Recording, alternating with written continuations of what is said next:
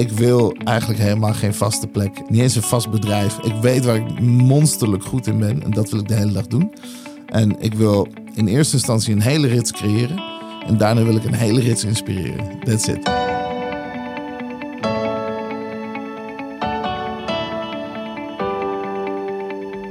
Yes, welkom bij een nieuwe aflevering van Make. Mijn naam is Chris Pauw, ik ben een filmmaker en fotograaf. En ik wil graag zoveel mogelijk leren van andere makers. En daarom ga ik in deze podcast in gesprek met creatieve makers die mij inspireren. In de hoop ook jou te inspireren om te blijven maken en groeien. En deze week ga ik in gesprek met Ron Simpson. En Ron is een... Nee, oké. Wat? Oh nee, nog, nog even Ik dacht, ik geef je even een beat voor de intro. Nog even wachten. Lijkt mij heel gezellig. Nee. Eh, hij is beatboxer en nee. Ron is een heleboel dingen. eh, maar in het kort zou ik hem omschrijven als creatief commercieel ondernemer. Iemand die creatieve ideeën omzet in succesvolle concepten. En dat klinkt niet alleen mooi, maar hij maakt het ook waar. Want zijn leven lijkt op een jongensdroom. Iedereen kent hem en hij kent iedereen. Hij organiseerde de mooiste feestjes, toerde met bekende DJ's, bedacht campagnes voor merken, managede artiesten, schreef een boek over de liefde en bedacht, toen velen waarschijnlijk dachten dat zijn leven al niet veel beter meer kon, samen met zijn vriend Julien, ook nog het meest besproken avocado-restaurant ter wereld. De Avocado Show. De Avocado Show, dankjewel Ron. Wat begon als een onschuldig funproject voor erbij, werd al snel een grote internetsensatie en is inmiddels uitgegroeid tot een internationale franchise met binnenkort 23 vestigingen verspreid over Europa. Ja, en, en dan zul je denken, genoeg is genoeg en goed is goed. Maar ja, wat doe je als de creatieve ideeën blijven komen en stilzitten niet in je vocabulaire voorkomt? Uiteraard, dan ga je door. En zo was er vorige maand opeens weer een nieuwe creatie. Skybox.nl. Een masterclass academy waar je kunt leren van de allerbeste creatieve ondernemers van ons land. Dus ja, volgens mij heb je nu een aardig beeld van wie Ron is en wat hij allemaal doet. Hoog tijd om erachter te komen wat zijn geheim is. Waarom lijkt alles wat Ron maakt te veranderen in goud? Let's find out. Ron, welkom bij de 50ste aflevering van Make. Jee, jeetje. Als ik dit had geweten, had ik een soort van verrassing geregeld. Sprong er een unicorn uit een taart of zo. Ik had wat woorden nodig, man, om je een beetje op niveau te introduceren. Ja, thanks voor deze eh, soort van mixtape. Dat kwam een beetje door jouw beatbox, denk ik. Ja, dat snap ik. Het spijt me. Of niet, eigenlijk. Ik weet het niet. Vet om hier te zijn, man. Op deze bijzondere plek. We zitten op de dertiende verdieping van het Student Hotel. We hebben zicht over heel, heel Amsterdam. Ik heb er zin in. Ik ook. Ik ben heel benieuwd. Ik vind het wel heel, heel mooi om je te spreken, want ehm, twee maanden geleden... toen nam ik een solo-podcast op. En daarin beantwoordde ik vragen van luisteraars. En een van die vragen was... wel- welke gasten wil je nog heel graag een keer in je podcast hebben? En ik noemde een paar namen. En jouw naam zat daarbij. Oh, wauw. Wie zat er nog meer bij? Mm, moet je luisteren. Aflevering, aflevering 42. Oké. En ik sprak het dus uit en nu zitten we hier. En daarmee deed ik eigenlijk iets wat, wat nogal veel lijkt op iets waar jij ook in gelooft. Speaking things into existence. Jazeker. En, en, en dat brengt me eigenlijk bij mijn eerste vraag. Ik, ik ben heel benieuwd, wat was voor jou de allereerste keer in je leven dat je, dat je iets ter wereld inbracht door het uit te spreken? Wat was het moment dat jij eigenlijk ervan overtuigd raakte dat dit misschien al spirituele principe werkte? Dat is een legit vraag, man. Ik weet niet, ik kan het niet pinpointen dat ik echt precies weet wat het was. Maar ik weet wel dat ik als vrij, vrij jonge jongen, dus laten we zeggen, ik denk wel eind basisschool, al door had dat ehm, je dingen gewoon kon doen zoals ze gezegd werden. Of dat je input kon leveren en dat er dan dingen veranderden. Dus dat leraren open stonden voor dingen. Als zij zeiden, nou je gaat nu dit doen. En zeg je, oh, mag ik misschien ook dit doen? Of zullen we niet dat doen? Dat dat al kon, zeg maar. Dus ik ontdekte heel vroeg dat je mee kon doen in, in het gesprek. En niet zomaar moest doen wat er gezegd werd, zeg maar. En eh, dat was heel vrij interessant. Ik denk dat het eigenlijk daar heel erg begon. Van, hey, als ik iets wil, kan ik het denken. Maar als ik het dus uitspreek tegen een leraar bijvoorbeeld... of mijn ouders of mijn broer of zus... dat er dan op een gegeven moment wel naar je geluisterd wordt. Je bent heel lang te jong en dan op een gegeven moment heb je een stem of zo. En niemand weet wanneer het is. En dan luisteren mensen ineens. En dan begint het dus in de kleinste dingen. Of het nou gaat over hoe je gaat spelen, wat je gaat doen, wat je wil kijken, wat je mag eten, noem het maar op. Dat begint eigenlijk al daar. En ja, als je dan ietsje, ietsje ouder wordt, dan worden de projecten steeds groter. Het gaat Ja. niet meer alleen om wat eet ik vandaag en wat speel ik vandaag. En dan alles wat, eh, wat erbij komt kijken, dat krijgt dan ook precies dezelfde input. Dus als jij het idee hebt van, hé, hey, ik kan meedoen, ik kan me mengen in dit gesprek en ik kan invloed hebben op mijn tijd en mijn, mijn activiteiten. Daar begint het bij. En, en later noem je dat ondernemen. Maar ja, ik vind het gewoon ondernemend gedrag. En dat had ik altijd al. En, en wat ben je gaan doen toen je, toen je ontdekte dat je die stem had? Waar wilde je die stem op het, op het begin eh, voor laten horen? Nou, het was, het was heel, heel gek. Ik ben geboren in Tel Aviv en ik, eh, ik groeide op in een super exotische Nieuwegein. Dus er zit wel wat, eh, wat verschil tussen, zeg Holy maar. shit, ja. En tegelijkertijd ben ik echt een 80s baby, dus ik, ik keek eh, heel veel Amerikaanse content. Dus heel veel Amerikaanse films en series en muziek. En in die tijd gewoon ook nog alles in print, weet je wel, magazines, eh, LP-hoezen, noem het allemaal maar op. En dat was wel een wereld dat bestond, dat wist ik. Maar dat was niet de wereld waar ik leefde, zeg maar. Het verschil tussen eh, New York en Nieuwegein was redelijk, redelijk anders of zo.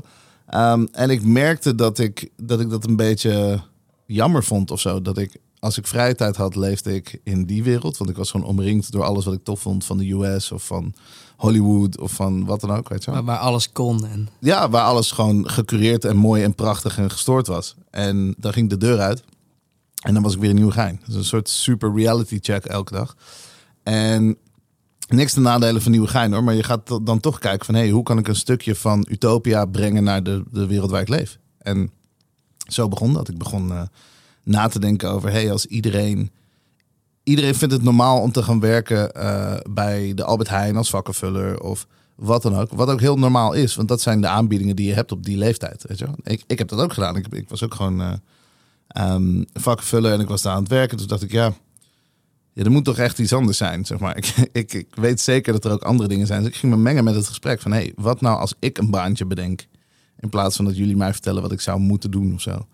En dat is best wel een interessant ding. Dus op een gegeven moment, ik werd de raarste dingen. Ik, werd, eh, eh, ik, ik was echt verliefd op films. En eh, mijn, een, een van de jongens uit de buurt, zijn oom, had een bioscoop. Toen zei ik, hey, hebben ze niet mensen nodig om soort van die popcorn te bakken of zo? Moeten we niet, weet je, als kiddo's kunnen we dat niet ruilen? Dan hebben we en een beetje geld, maar al mijn geld gaat eigenlijk op aan de bioscoop. Dus waar- waarom, weet je, go to the source of zo? En toen, ja, toen waren er gewoon eh, twee vrienden die dan om, om vier uur 's ochtends de wekker hadden gezet. Omdat ze 's ochtends vroeg popcorn moesten bakken voor iedereen die dat dan kwam eten die dag.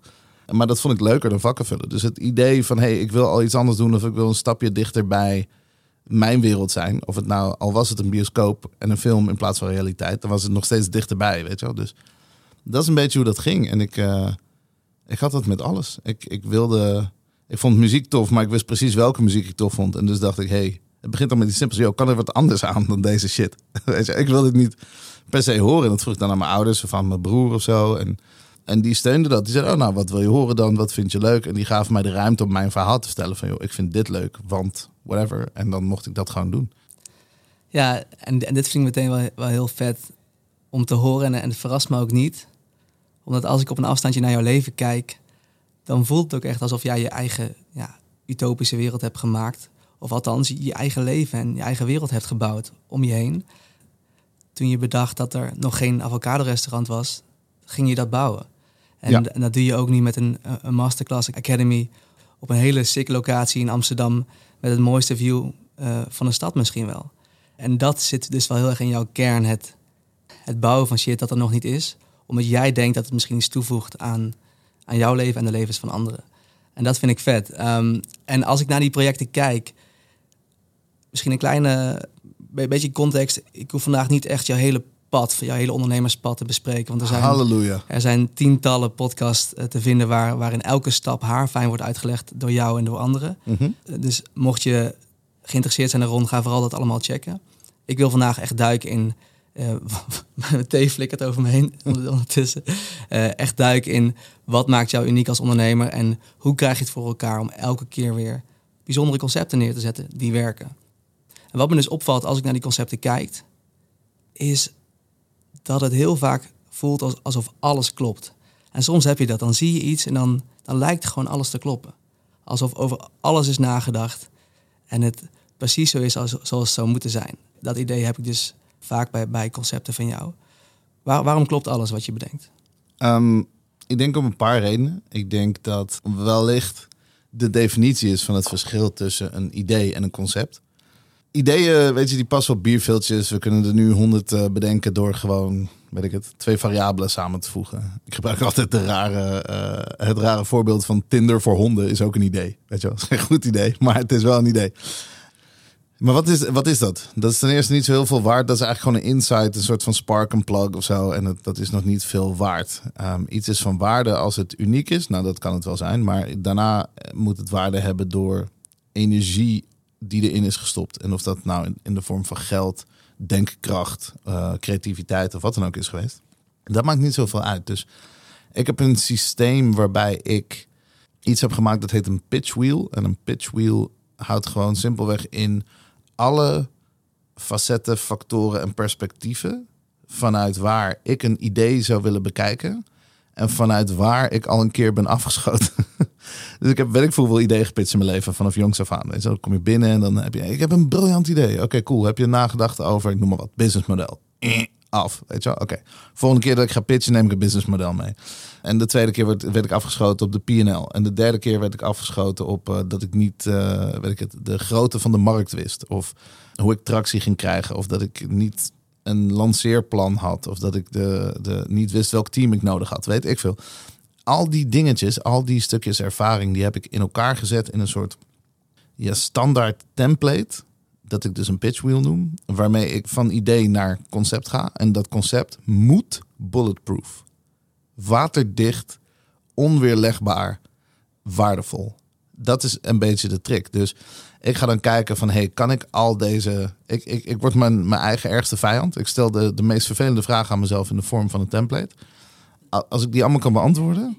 Je spaart jezelf niet dan? Nee, absoluut niet. Nee, want dat gaat iemand anders toch ook niet doen. Luister, als jij ergens naar binnen loopt en je vraagt om een miljoen euro... You, you better be prepared, weet je wel. Die gozer of vrouwen eigenlijk vaker, um, die, die zagen je gewoon door. En ze hebben gelijk.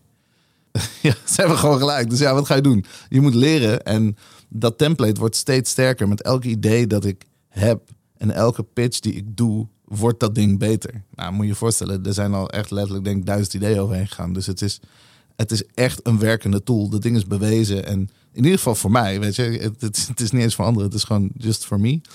En doordat dat erin zit, dat zit niet alleen op papier, dat zit in mijn mind. En dus als je in mijn archief zou kijken, waar nu nog denk ik, weet ik veel, 150 start-up ideeën in zitten, dan zijn ze al uitgewerkt tot het punt dat ze bulletproof zijn. Dus je kunt ze echt kant-en-klaar kopen. Ik probeer altijd waarde toe te voegen door alvast wat dingen uit te denken. Dus uh, uh, bijvoorbeeld de eerste versies van brand identities, logo's, uh, namen, domeinnamen, usernames, alles al vastgelegd. Het zijn gewoon van die simpele dingen die je kunt doen die niet heel veel geld kosten, maar wel heel veel waarde opleveren als je ze hebt. En dat zet ik in elkaar en dat klopt gewoon. Dat klopt omdat het voor mij ook moet kloppen. Dus als alles voelt als een super doordacht merk in balans waar je amper een, gat in kan schieten, dan, dan is dat echt de bedoeling. Ja. super, super vet om te horen. En ook ergens confronterend toen ik begon met ondernemen. Ehm, mijn eerste start-up was een app voor dankbaarheid. En ik geloofde daar toen zo erg in dat ik misschien niet wilde zien wat er mankeerde aan mijn idee en wat niet zo sterk was aan mijn app. En ik juist bevestiging ging zoeken in, in de hoeken waar, waar het wel mijn idee verifieerde. Mhm. En ik had juist toen denk ik een, een kritische, kritische kijk nodig gehad om echt te testen, is dit een goed idee en heeft het uh, ook marktwaarde? Kan het ook werken? Kan het een commercieel succes worden? Welke, ik snap dat je misschien niet je hele pitchwheel hier uitgebreid uh, wilt gaan uitleggen. Dan moet je lekker een, een één op één sessie met jou boeken. Mhm. Maar kun je een paar van die belangrijkste punten eruit noemen? Absoluut, man. Ik heb er echt, ik deel kennis. Als je, als je één ding van mij kan weten, is dat ik geen geheim heb, joh. Ik, ik deel shit. Kijk. Ik ben benieuwd op welke van die punten je het meest bent afgeschoten door, door die mensen, door de investeerders. Op de door... taal die het minste spreekt. Dat is, dat is echt een heel duidelijk ding. Wat ik echt de hard way heb moeten leren, is dat. Nou, misschien spreek ik voor mezelf, misschien spreek ik voor iedereen. I don't know. Creatieven, die, vinden, die hebben ego's. Die vinden zichzelf vaak heel goed. En dat moet ook. Ik bedoel, je bent een soort van bokser. Je moet de ring in. En je moet, weet je, als je niet gelooft dat je die wedstrijd kan winnen, moet je thuis blijven. Dus ik snap dat wel. Die, die creativiteit, je, je gebruikt je fantasie en je imagination om iets te bedenken in je hoofd wat er niet is. En als je daar niet in gelooft, dan moet je het ook niet doen. Dus als creatief ben je heel erg overtuigd van je idee, heel erg overtuigd van jezelf. Maar dat staat heel erg haaks op de andere type personen die je nodig hebt. Dus een financieel persoon die kijkt naar cijfers. er zit geen subjectiviteit in. Dat zijn geen meningen. Dat is gewoon data. Snap je? Dat is een andere taal. En eerst was ik gewoon altijd nou ja, soort van gefrustreerd en misschien wel een beetje geïrriteerd van, jou. waarom begrijp je mij niet? Dit is zo'n goed idee. waarom zie je dat niet? Omdat ze andere mensen zijn. En dus probeerde ik hun bijna noodgedwongen mijn taal te laten spreken. En dat werkt niet. Dus ik heb geleerd om hun taal te spreken. In, in al mijn pitches doe ik nog steeds mijn creatief trucje, zeg maar. Mhm. en, en laat ik alles zien en probeer ik het zo mooi mogelijk uit te leggen en, en rond te maken en uniek en te enthousiasmeren. Maar ik zorg ook dat de data klopt. En ik zorg ook dat ik spreek de finance language, ik spreek de commerciële language, ik spreek de HR uh, language en de operationele language. Vind ik niet leuk, oprecht niet. Maar ik doe het wel. Je neemt hun perspectieven mee. Ja, maar ook in hun eigen taal. Dus ik, ik ga er niet uh, heel licht over denken. Oh, doen we even of uh, whatever. Nee, ik, ik zorg echt dat ik mijn due diligence heb gedaan in hun speelveld. Waardoor het nog moeilijker wordt om mij af te knallen. En dat willen ze ook niet. Kijk, in essentie ben je daar. Iedereen hoopt dat het lukt. Als je bij een pitch bent, hoopt iedereen.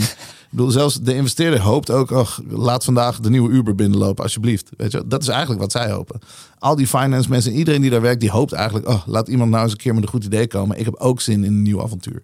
Dus in essentie staan de sterren goed. Je moet het alleen leveren. En dat is niet altijd even makkelijk als je maar vanuit één kant kijkt. Dus de creatief keek vaak vanuit het idee. En als ondernemer ben ik gaan leren werken met het concept. En daar valt alles en iedereen onder. En als je kijkt naar zo'n pitch wheel, ik kan je wel de basis geven, want dat is helemaal niet zo ingewikkeld. Maar het begint gewoon met een introductie van, joh, waarom ben ik hier? Wat doen we hier? Wat is het idee? Welk onderdeel ben ik? Ben ik alleen? Heb ik een team? Heb ik een team nodig? What's going on? Gewoon uitleggen wat, wat de scope is van dit verhaal, wie er eigenlijk verbonden zijn. Um, en dan gaat hij gewoon heel simpel van insights naar probleem naar oplossing, naar voordelen van die oplossing, naar het product of de dienst uh, die je wilt doen, naar branding, hoe ziet dat eruit, hoe voelt dat, hoe heet dat, naar markt, hoe groot is eigenlijk de markt die je wil bedienen, naar tractie, welk deel van die markt is mijn doelgroep en hoe ga ik die bedienen, en vervolgens uh, naar marketing en PR. En dan springt hij eigenlijk door naar uh, businessmodel, marges en investeringen. En die investering is voor mij niet alleen geld, het is ook hoeveel tijd heb ik nodig, welke mensen heb ik nodig, wat voor assets en tools heb ik nodig. Gevolgd door forecasting en planning, want je moet toch wel echt duidelijk zijn van joh, je leert gewoon. Mensen willen weten wanneer de ROI er is. Uh, mensen willen gewoon een soort van simpele PL zien en een forecasting zien van, laten we zeggen, 1 tot 3 jaar. Dat is misschien wel realistisch. Dat neem je allemaal mee en dan valt er niet zo heel veel meer te vragen. ik bedoel? Dat is gewoon in orde. En het is aan jou het wil niet zeggen dat je een soort van hele bijbels en boekwerken in moet leveren. Totaal niet. De vraag is, hoe, hoe overtuig je hun in zo min mogelijk woorden? Snap je wat ik bedoel? Er zijn feiten die ik tegen jou zeg die je meteen klakkeloos van mij overneemt. Misschien lieg ik wel, weet jij veel, dat maakt niet uit. Maar je denkt, oh, dit, dit klinkt reëel. Volgens mij klopt dit. Hij komt overtuigend over en hij heeft misschien een track record erin. Nou, als dat zo is, dan kan ik daar een shortcut nemen in de zin van, ik schrijf één zin op en dan moet je me eigenlijk maar geloven. Dat wil niet zeggen dat er niet een totale studie achter het ding zit. Of nog een los document of een Excel-sheet waarin dat ding helemaal uit elkaar getrokken wordt. Die heb ik ook nog. Maar die neem ik niet mee. Die neem ik niet mee in de pitch. Die neem ik mee in het plan. En dus mijn idee van zo'n pitch was: hey, en hoe kan ik jou in zo min mogelijk woorden overtuigen van dit vanuit elke hoek? En in hetgeen waar jij heel goed in bent, kun je dat vaak doen in een zin. En in hetgeen waar zij verwachten dat jij heel zwak in bent, daar moet je juist dat extra werk laten zien. Juist uitblinken. Holy shit, dit is echt een goed PL-document. Of dit is echt goed berekend. Of misschien haal je er wel iemand bij en zeg: Nou ja, ik heb mijn berekeningen laten doen door dit bureau of deze persoon. En dan kun je weer met minder woorden, want dan denken ze: Oh, die persoon vertrouw ik, dus dan zit het wel goed. Shortcuts. Ga jij ooit nog wel eens onzeker in een pitch? Nee. Dus niet, eigenlijk? Nee. Omdat je dus, dit is waterdicht en je, moet dit voor jezelf op de proef stellen. Ja, een andere tip die ik, uh, die ik ook later in het leven heb geleerd... is dat je geen tien mag pitchen. dat wist ik nooit. Oké. Het, het, voelt zo onnatuurlijk om dat te doen, maar je hebt... Dus hij moet niet helemaal waterdicht zijn? Nee, hij moet wel waterdicht zijn. Je moet hem gewoon niet pitchen als een team. Oké. Dus um, de, je wil een 10 scoren, maar als jij naar binnen loopt en je scoort een, een 10 door een monoloog te houden, dan loop je het risico dat mensen je een smartass vinden of dat het een beetje dat too good to be true verhaal voelt. Snap je wat ik bedoel? Maar dat heb jij sowieso een beetje, vind ik. Ja, dat, dat zou kunnen. Alleen, eh, mijn, mijn point being, als, je- als je in een kamer zit met andere mensen en die, ehm, die hebben waarde, die kunnen bijdragen. Dat zijn, dat zijn mensen met kracht, zeg maar. Dan willen ze dat ook uiten. Of in ieder geval het, idee hebben dat ze iets hebben bijgedragen of, of toe kunnen voegen. Ah, ja. Dus als jij komt en alles wat die andere persoon zegt, ja, weet ik, ah, eh, eh, weet je wel, of ik, eh, je hebt zeker geen vragen meer, weet je wel, dat. Dat is eigenlijk niet de look die je wil doen. De slimme manier is om een 10 te scoren in de vorm van een 8 plus 2. En dat houdt in, je komt binnen, je scoort een dikke 8.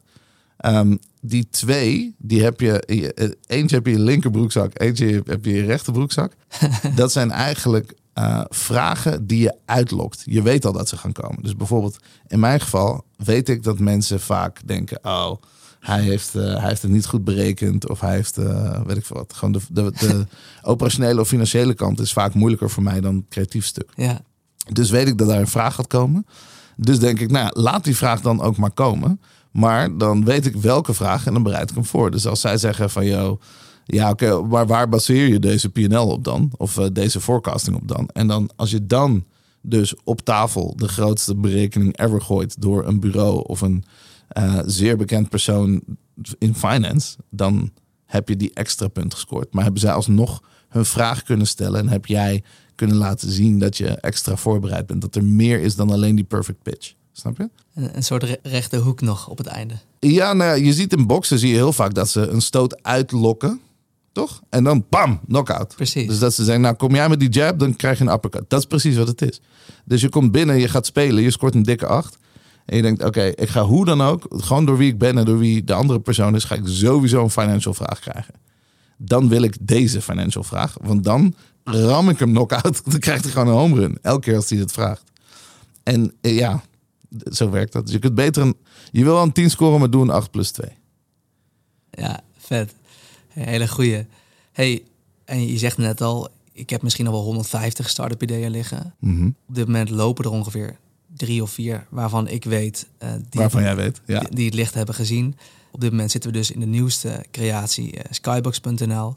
Waarom krijgen sommige ideeën van jou, ook al zijn ze getest door jouw pitchwheel, wel het licht te zien en sommige nog niet? Waarom is bijvoorbeeld skybox.nl nu een feit geworden? Skybox is een feit omdat het is echt een samenkomst van omstandigheden. Het was iets wat ik gewoon zelf ging doen, waar ik heel veel plezier uit haalde en heel veel voldoening. En ehm, in die eerste lockdown dacht ik van ja, wij hebben het gelukkig redelijk goed voor elkaar. Tuurlijk zijn onze restaurants ook dicht. Het doet ook pijn. Weet je, wel, het is vervelend. Wij moeten ook schakelen, maar wij hebben een team en wij hebben een investeerder. En wij ondernemen ook in het buitenland waar wel dingen mogelijk zijn. Wij doen allerlei andere dingen. Versus vrienden van mij die gewoon in de horeca zitten, die dat allemaal niet hebben. Dat is echt een ander gevoel.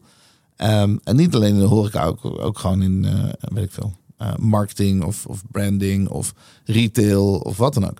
Toerisme, alles is veranderd. Evenementen, alles, alles, alles is veranderd. Dus ik keek om me heen en ik dacht, hé, hey, ik zie heel veel paniek. Ook gewoon in mijn timeline, weet je. Gewoon op LinkedIn of op Instagram. Zo mensen die gewoon echt, eh, echt wat hulp konden gebruiken. En ik dacht bij mezelf, nou, ik kan wel helpen eigenlijk. En vroeger gaf ik altijd heel veel mensen advies. En dat vond ik ook wel leuk om te doen. Maar op een gegeven moment word je daar gewoon te druk voor. En dan denk je, nou, laat maar zitten. En toen dacht ik ineens, ja, mijn kantoor is dicht. De restaurants zijn dicht. Ik ben thuis. Laat, me, laat mij bijdragen. Dit is mijn manier, weet je. Laat mij gewoon wat mensen helpen. En eh, daar voel ik me ook gewoon wat beter bij. En wat bleek, ik, ja, het is eigenlijk best wel lijp of zo. Maar het idee was, ik wil mensen helpen die, die dus een grote challenge hebben of een, een, een uitdaging. Maar ik wil niet per se in tien negatieve spiralen worden gezogen, zeg maar. Stel dat het om tien faillissementen zou gaan, dan, dan dat is niet goed voor je gemoedstoestand als je daar allemaal mee te maken hebt, weet je wel. Dus toen dacht ik, ehm, in plaats van een heel lang traject, doen we gewoon een kop in de staart. Weet je wat? Jij en ik gaan praten voor drie uur. Dat is gewoon een sessie. In die sessie geef ik je alles wat ik heb. Al mijn kennis, al mijn ervaring, al mijn netwerk, al mijn templates en spullen. Je hebt toegang tot alles. Als je dan niet geholpen bent, dan weet ik het ook niet. Dat is alles wat ik je kan geven. We doen het drie uur, kosteloos. En dan, eh, dan heb ik, ja, dat is mijn bijdrage. En tien keer kwamen de mensen binnen. En ik dacht eerst dat het allemaal negativiteit zou zijn, maar dat was het helemaal niet eigenlijk. Er waren drie hele duidelijke groepen. Eén was, ehm, mijn business of baan is in gevaar door COVID. Probleem. Ehm, die had ik wel aanzien komen. Het tweede was, mijn business of baan is booming door COVID. Die zijn er ook. Oké. En het derde was ineens, mijn business of baan moet echt wisselen. Ik vind het niet meer leuk. Ik wil eigenlijk wat anders doen door COVID. Ik zit thuis of ik wil meer vrijheid. Of wat tien jaar een ondernemersidee. Misschien moet ik dat gaan doen. Ik heb een droom, ja. Whatever. Dus ja, die, die drie groepen die melden zich eigenlijk aan. Daarvan deed ik tien sessies. En zoals ik zei, weet je, je bent als, uh, als creatief... heb je een beetje ego en een beetje bravoer nodig om in jezelf te geloven. En dat had ik heel erg. En dat wil niet zeggen, ja, ik had wel al wat bewijs op de plank, maar voor mezelf dacht ik van ja, ben je nou echt zo goed? Weet je wel, is het is het is it really real? En dan krijg je gewoon tien eindexamens. Oprecht twijfelde je daar nog over? Nee, niet, niet in bepaalde dingen. Alleen ik had, uh, uh, zeg maar, als je mij plaatst in, ik noem maar wat, horeca, branding of marketing of zo, was ik super op mijn gemak. Ja. Maar de seconde dat iemand zegt, yo, laten we een crypto-app doen, of laten we uh, weet ik veel, een uh, kinderopleidingsinstituut starten. Weet ik, allemaal dingen waar ik niks van weet. Ja, weet je, dan ben je daar dan ook goed in? Ben je daar dan ook creatief in? Kun je daar dan ook concepting in doen? En dat was gewoon de vraag. Het was niet onzekerheid, het was meer gewoon nog nooit gedaan. En het andere heb ik duizend keer gedaan. Dus daar ben Ja. ik heel erg comfortabel in. Echt een soort tentamens, ja. Ja, letterlijk gewoon tien tentamens op een rij, weet je. En uh, wat er gebeurde is dat mensen echt met hun, uh, met hun hoofdvragen binnenkwamen. En, en vaak ook wel met een beetje met een ziel onder hun arm. Um, en na drie uur magie, gewoon home run slaan, was het echt, waren we allebei even excited of wow, what the fuck, vet. En die, die gingen gedreven naar huis en konden niet wachten tot het morgen was, totdat ze konden beginnen. En toen dacht ik, wow, dat is tof. En ik wil niet, absoluut niet arrogant klinken, maar succes went. Dus als je hele, heel vaak hele goede dingen doet, dan vier je dat net iets minder dan, dan iemand die dat voor het eerst doet. Dat is echt jammer. Dat vind ik ook, maar dat is wel hoe het is. Mm. En ja, wij zaten op best wel een goede wave of zo. Dus ik, ik zat al een beetje, uh, ja, gewoon in een comfortabele hoek of zo. Maar dit was anders. Dit zorgde ervoor dat je een soort van human value kreeg. Snap je? Het was, je hebt iemand geholpen, je hebt iets Voldoening. gedaan wat je nog, ja, echte voldoening. En daar, daar werd ik zo intens gelukkig van. Tien keer op een rij. Dat ik echt dacht, holy shit, dit is het. Hier moet ik echt iets mee, echt iets mee gaan doen.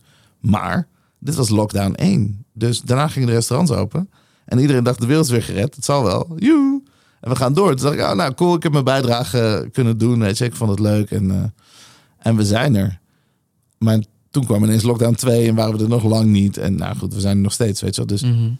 En toen dacht ik ineens van, oh ja, dit is cool. Ik heb tien mensen kunnen helpen en dat was mijn bijdrage. Maar ik vind het eigenlijk leuk als persoon. En ik zie dat alle ondernemers en professionals echt baat bij hebben. Ik kan echt iets leveren. Nou, daar, daar ging ik dan nog sterker in geloven. Um, toen zei ik, oké, ik, ga dit, uh, ik ga dit maken. Ik, ik ga dit beschikbaar stellen. En dus zei ik, nou, dat drie uur principe, dat vond ik fijn. Deze locatie had ik toen ook al. Die vond ik gewoon te gek. Het is een hele inspirerende, fijne plek. Het is creatief ingericht. Het is uh, uitzicht over de hele stad. Het geeft rust en toch excitement tegelijk. Vond ik leuk. En toen heb ik daar gewoon een vaste prijs aan gehangen. En wat ik niet wist, of nou niet wist, wat ik niet door had, is dat ik eigenlijk van iets heel, van een soort van ingewikkelde dienst met heel veel ruis, heb ik een heel helder product gemaakt. Dus wat is business? Wat is advies? Wat is consulting? Wat is creativiteit? Weet je, hoe definieer je dat? Dat is bijna onmogelijk. Maar, maar toch begrijpen veel mensen dat wel. Ze begrijpen het wel, maar als je het moet kopen, is het anders. Okay. Hoe koop je dat? Moet dat, dat verschilt heel erg. De een zegt, ah, nou, ik ben een coach en je moet bij mij minimaal twaalf maanden lopen. Of de ander zegt, ja, vraag me een offerte aan. En de derde, weet je, het is allemaal ruis. En dat komt door die dienst. En toen zei ik van, nope, het is drie uur, het kost duizend piek, het is hier en je krijgt alles wat ik heb. Het is as easy as that, gewoon. En dat Kant en klaar, ja. Ja of nee krijg je dan. Het is gewoon een product. You want it or you don't want it. Dat is helemaal prima, allebei. En dat is gewoon fijn. En ik, ik, ik, um, ik vond dat geinig. Ik zette dat op mijn LinkedIn. Toen kreeg je ineens 50 aanvragen. Oké, okay, dat is 51 eigenlijk om to be exact. Maar dat was gewoon gestoord. Dacht ik, hoe kan dat? Uit, uit één organische post. Dat is echt een boel business, zeg maar. Zo. En die waren dus nog allemaal voor sessies met jou alleen? Alleen ik, ja. ja dus had ook nog geen naam, niks. Het was gewoon Zo. een LinkedIn post. Lekkere conversie, ja. Prima conversie, maar daar, daar ging het niet eens om. Voor mij was dat gewoon een signaal uit de markt van... hé, hey, mensen vinden dit tof en mensen hebben dit kunnen dit wel gebruiken op dit moment.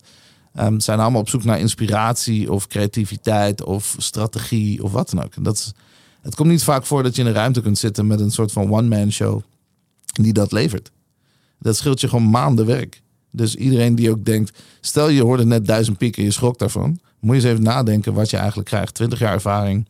We schiet, ik schiet je twee, drie maanden verder in de tijd. Allemaal shortcuts en alle tools en een netwerk eraan vast. Dit is helemaal niks. Eigenlijk is het een lachertje. Ook in de wereld van, van corporate pricing is het helemaal niet hoog. Zeg maar. En dat was ook het idee van hè, ik wil het toegankelijk zien te krijgen. Ik wil dat het, uh, dat het lukt en dat het kan. En ja, toen was sowieso het idee om het nog een beetje klein te houden en whatever. Toen kwam dat allemaal terug. Nou, als ik, als ik me lekker voelde nadat ik 10 home runs had geslagen, moet je eens vragen hoe ik met me ging naar 51 stuks. To the moon. To the moon, ja. Ik was zo gelukkig. Ik, ik, ik, elke dag was gewoon moe en voldaan. Eigenlijk zoals je het zou willen. Voelde misschien een kleine tussenstap, maar voelde dat misschien nog wel meer in your genius dan, dan je deed tijdens de hoogtijdagen van de Avocado Show? Was het uh, misschien nog wat nog dichter bij, bij jouw kern? Nou, het was gewoon een herhaling daarvan. Kijk, de Avocado Show of elk ander project is super tof. En uh, dan, dan heb je dat zero to one moment. Je ja. creëert iets, dat is super vet. Daar ga je mee aan de bak. En daarna ben je heel lang bezig om het te realiseren. Ik had hier geen realisatie. Ik zat gewoon letterlijk in drie uur dingen te bedenken en next. Ja, dat is gewoon ja, ja. Een, een, een hoogtepuntenmarathon, basically. Ik mocht gewoon doen waar ik het aller, aller, aller, allerbeste in ben, achter elkaar. Ja. ja dat, zonder uh, huiswerk eigenlijk. Of zonder, zonder administratie, zonder chores, weet je wel. Al het, normaal moet je het opschrijven en moet je daarna aan de bak en moet je allemaal mensen gaan bellen en moet je het creëren, realiseren. Dat zat er niet eens in. Dus nee. voor mij was het gewoon, yo, vragen beantwoorden is het leukste wat er is. Let's go. En dat ja, voelde gewoon heel fijn. Dat, dat, dat zou ook mijn... Ik ben al filmmaker en ik heb er heel veel passie voor. En ik vind filmmaken geweldig.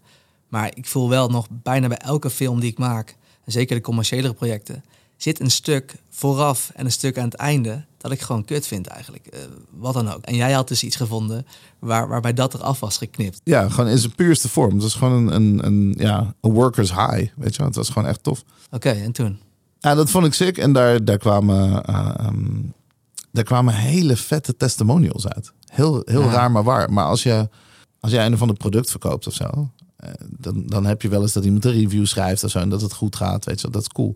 Maar als je echt één op één in drie uur tijd... iemands hele visie of short-term toekomst verandert...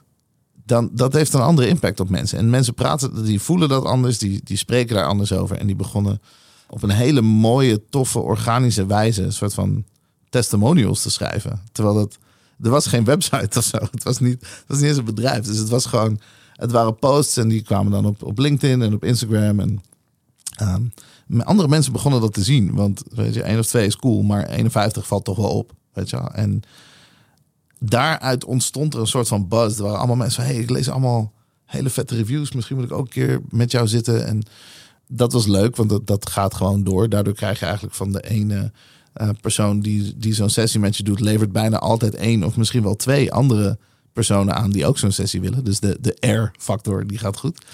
En tegelijkertijd kreeg ik ineens vanuit al mijn, mijn vrienden en kennissen die een beetje doen wat ik doe. Dus of een uh, grote ondernemer zijn of um, weet ik veel talent of een ja, het kan echt van alles zijn. We hebben letterlijk uh, Michelin sterrenchefs tot Olympisch goud winnende atleten tot eigenaren van de tofste agencies, noem het maar op. Die, die begonnen met mij in gesprek te gaan van hey, wat jij daar doet is eigenlijk best wel slim. Je hebt ten eerste het kopje koffie verzilverd. En ten tweede, um, inderdaad, de, doe je alleen waar je super gelukkig van wordt. Holy shit. En, en daarbovenop help je ook nog eens iemand vooruit. Ja, beter wordt het toch niet echt. En je doet het op een plek waar je gelukkig wordt. Ja. Um, dus ja, toen ging ik heel even met Stoent Hotel praten. Die zeiden ook van ja, dit is wel echt een tof concept. Vind meer mensen zoals jij. Doe er gewoon een strik omheen. En uh, let's go. Toen zei ik, nou oké, is goed. Nou, heel snel een merk bedacht. Um, nou, je zit nu hier. Is een soort van glazen doos. Uh, corner office op 13 hoog. Nou, als je hier s'avonds komt, dan, uh, dan zie je natuurlijk alle lampjes van de stad. Um, en dus noemden we het voor de grap een keer de Skybox. Je, oh, ben je weer aan het werken in de Skybox? Ja, dat is eigenlijk helemaal geen slechte naam. Ging naar skybox.nl en uh, dat bleek uh, wel al in 1995 of zo geregistreerd te zijn, maar niemand deed er iets mee. Zoeken, zoeken, zoeken, zoeken, zoeken. Uiteindelijk de persoon gevonden die het had overgekocht. Zo. En eh, klaar. Dus dat merk, dat ging heel erg organisch. Dat was tof. Ik had het idee dat de markt daar klaar voor was. Ik had ook het idee dat ik daar klaar voor was. Ehm, en nu doen we eh, ja, één tot twee van die dingen per dag. En het is waanzinnig. Ik, ik word er echt heel gelukkig van. Ik, heb, ik werk harder dan ooit. Want naast de sessies moet ik nog... Dan, daarna begint mijn echte werkdag, zeg maar. Het is crazy. En, Maar- en daarmee bedoel je? Nou ja, ik moet natuurlijk ook eh, bijdrage leveren aan alle andere bedrijven waar ik Ja. in zit. Ehm, Ja, precies. Ja. En dus, weet je, alle, alle normale dingen, of dat nou gewoon eh, meetings, mailings, nadenken, vergaderingen, eh, dingen realiseren, kopjes, ko- the works, zeg maar. Mhm. Dat begint Ja, ja. na zo'n sessie. In een sessie ben ik van jou, gaat de telefoon uit, hebben drie uur gewoon full attention. Dus geen, ik ben er niet half, zeg maar. Voelt het dan wel eens alsof je slaaf bent van, van, van eerdere projecten of eerdere bedrijven? Droom je wel eens van, oh, hoe lekker zou het zijn als, als ik eigenlijk, eigenlijk alleen maar dit nog kon doen? Ehm, ja en nee. Slaaf van eerdere bedrijven voel ik me zeker niet. Ook omdat ik bij elk ding altijd een heel goed team heb. In het geval van de Avocado Show is echt briljant dat ik Julien Zaal heb die gewoon ja, een, een opstapje pakt, eh, CEO wordt, de hele zorg gaat runnen en dat dat ook super leuk vindt om te doen. Super veel begrip heeft voor, voor mij. Die zegt van joh, ik snap dat je als creatief gewoon weer wat anders wil. Dat je meer geprikkeld wil worden. Kunnen we gewoon kijken waarin we elkaar goed kunnen gebruiken. eh, en, en daar gewoon over praten. Dat is de truc. Je, je praat gewoon met mensen en zeg van ja, ik geloof dat jij heel erg het bedrijf kan runnen. En ik geloof ook dat ik kan bijdragen als het aankomt op merk of communicatie of pers of wat dan ook. Laten we dat gewoon afspreken. Dat is Precies. gewoon cool. En dat was goed. En eh, Sean Harris, de investeerder bij ons, die je misschien kent van Dragon's Den of zo, die dus geen, is wel af en toe een pittige tante, weet je, maar ook met haar valt heel goed te praten. En als je uitlegt wat je nou wil doen, dan is dat oké. Dus dat kun je allemaal wel opzetten. Grappig genoeg vroeg zij me laatst van ja, wat, wat wil je nou worden? Het is heel raar, hè? Ik, ik weet dat mensen naar, naar mij of naar andere ondernemers kijken en denken, nou ja, dat wil ik zijn of daar wil ik zijn of whatever.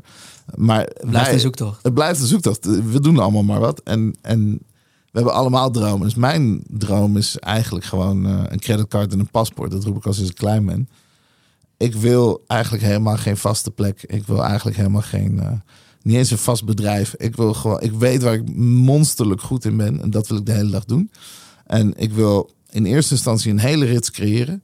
En daarna wil ik een hele rits inspireren. That's it. Eh, anywhere in the world met een eh, creditcard en een eh, paspoort in mijn kontzak. En ik kom wel. Weet je? Ik, ik wil iedereen ontmoeten. Ik wil alles zien. Ik wil alles proeven. Ik wil alles. That's me. Daar gaat het uiteindelijk naartoe. Dus wil ik dit doen de rest van mijn leven? Ja, maar niet per se op deze manier. Ik vind het nu heel erg fijn omdat ik het idee heb dat ik heel veel mensen vooruit kan helpen. Maar ik heb ook het idee dat ik andere mensen ken die dat kunnen doen. Ik bedoel, ik ben niet de enige op de planeet. En daarom zet ik Skybox op om te kijken van... hey, kan ik dit onafhankelijk van mij maken? En dan kan ik wel een rol spelen en soms niet een rol spelen. En dat is oké. En dan gaan we weer door naar de volgende. En merkte je dat, dat mensen ook meteen open stonden voor die andere coaches die je aanbood? Of, of trokken ze toch wel het begin voornamelijk naar jou toe, omdat jij het misschien het gezicht was achter Skype? Het is heel logisch. Ze trokken natuurlijk naar mij toe in het begin. Ja. Ehm, maar die coaches die hebben natuurlijk hun eigen track record. En hun eigen netwerk en hun eigen mensen om zich heen. Die mij misschien helemaal niet kennen. Dus die vinden hun juist interessant. En denken altijd al van, joh, dit vind ik eigenlijk wel Dus ook zij worden al tof. geboekt. Ja, ze worden ook al geboekt. Ehm, en het leukste is dat. De- Het is gewoon nog nooit echt op deze manier aangeboden of zo. Er is nog nooit iemand naar een bedrijf toe gegaan. Kijk, je kunt naar een, naar een eh, opleidingsinstituut. En daarvan hebben we best wel goede in Nederland. En ja, mensen vragen ook vaak: zijn dat dan je concurrenten? Ik zeg, nou, ik weet het niet. Ik heb het idee dat wij wat anders aanbieden dan, dan wat zij doen. Dus we zitten Ja. wel in dezelfde markt. Maar en goed. dus ook geen masterclass.com, want je hebt een één op één ervaring wat altijd anders is. Ja, en je kunt terugpraten. En masterclass.com is gewoon een zendfactor. En dus dat maakt het interessant. Toen dacht ik van ja, wat nou als ik een bedrijf bel? Ehm, en ik zeg, hey, je hebt 100 man personeel, die werken allemaal thuis. Je wil ze inspireren, maar je wil ook dat ze groeien. Je wil dat ze beter worden. Maar ze hebben allemaal andere meningen en allemaal andere eh, sterke punten en zwakke punten en uitdagingen en weet ik veel wat allemaal. Koop gewoon 100 tokens. Ga naar de website. En laat je personeel PP gewoon uitkiezen. Joh, wat wil je leren? En van wie wil je dat leren? En wanneer wil je dat leren? En wil je alleen of neem je een vriend mee? Dat kan allemaal. En dat is voor de eerste keer dat ik, dat ik persoonsgedreven dat heb gezien. Voorheen was het altijd, joh, wil je leren weet ik veel, content eh, maken. Dan kun je een content maken workshop volgen. Je hebt geen idee van wie. Weet je, dan kom je gewoon daar. Of het is een, eh, een, een opgenomen video. Of het is al een lespakket of een boek. Of een something something. Maar het was nooit een soort van leader of industry. Dat, dat was het niet. Ja. Dat is het nu wel. En dat is de onderscheidende factor bij ons. Precies. En wat ik mooi vind aan het uitlichten van deze case en waarom, waarom ik hier even wat dieper op in wilde gaan, is ook voor de luisteraar. Waarschijnlijk heb je ook ideeën of heb je dromen. En ik kan wel eens hebben, als ik bijvoorbeeld naar zo'n rond kijk, dan zie ik hem opeens weer lanceren met skybox.nl. En wederom, alles klopt. En nu vind ik het heel fijn om te horen dat ook dat heeft een hele lange organische aanlooptijd gehad. En het is gewoon begonnen vanuit een soort sparkle. Vanuit, dat eerste, vanuit die eerste trigger die hij had in, in de lockdown. En gewoon heel simpel dacht, ik ga wat mensen helpen. Ik ga wat gesprekken voeren.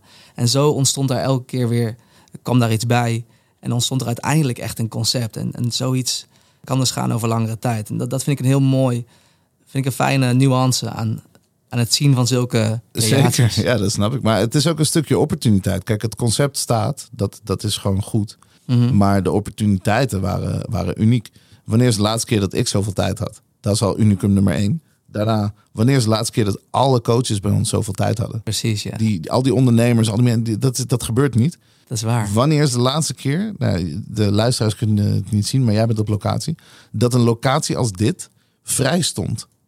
Omdat, omdat ze open zijn gegaan tijdens COVID als een, als een kantoor, waar eigenlijk de antibeweging op zat ongeveer. Ja. Dus dat gebeurt ook niet. Weet je, het zijn allemaal dingetjes. Het concept is, is goed en simpel, zit gewoon sterk in elkaar, that's fine. Maar je hebt nog steeds dingen die je niet hebt geschreven. Dingen die je niet hebt bedacht. Het, het komt gewoon op je pad. Denkt, oké, nu handelen. Gas. Toen was het eerst van, oké, nou, ik heb tijd. Ik ga het doen. Oh, zij hebben ook tijd. Zij gaan het doen. Oh, holy shit, is het hier vrij? Daar gaan we het doen. Weet je wel? En dat is een stukje, ja, organisch. Dat blijft mooi. En ondernemerschap, letterlijk. Ja. Het ondernemen van dingen als je kansen ziet. Eh, net zeg je ook heel mooi van, ja, eigenlijk all I need is een creditcard en een paspoort. Ik heb de laatste tijd ook in de podcast heb ik het veel over het dilemma van, oké, ga je als maker, in mijn geval, word ik een hele goede regisseur, filmmaker, of ga ik een productiehuis bouwen? En ik merk dat ik af en toe vastzit in het idee dat ik echt een bedrijf moet bouwen, wat, wat een pand heeft. Terwijl eigenlijk als ik ook diep naar binnen kijk, ben ik een maker. Want ik maak een podcast, ik maak kunst, ik doe ook fotografie. Mijn kern is wel filmmaker, daar komt het meest in samen. Maar hoofdzakelijk ben ik een maker die, die ervan houdt om mooie verhalen te vertellen.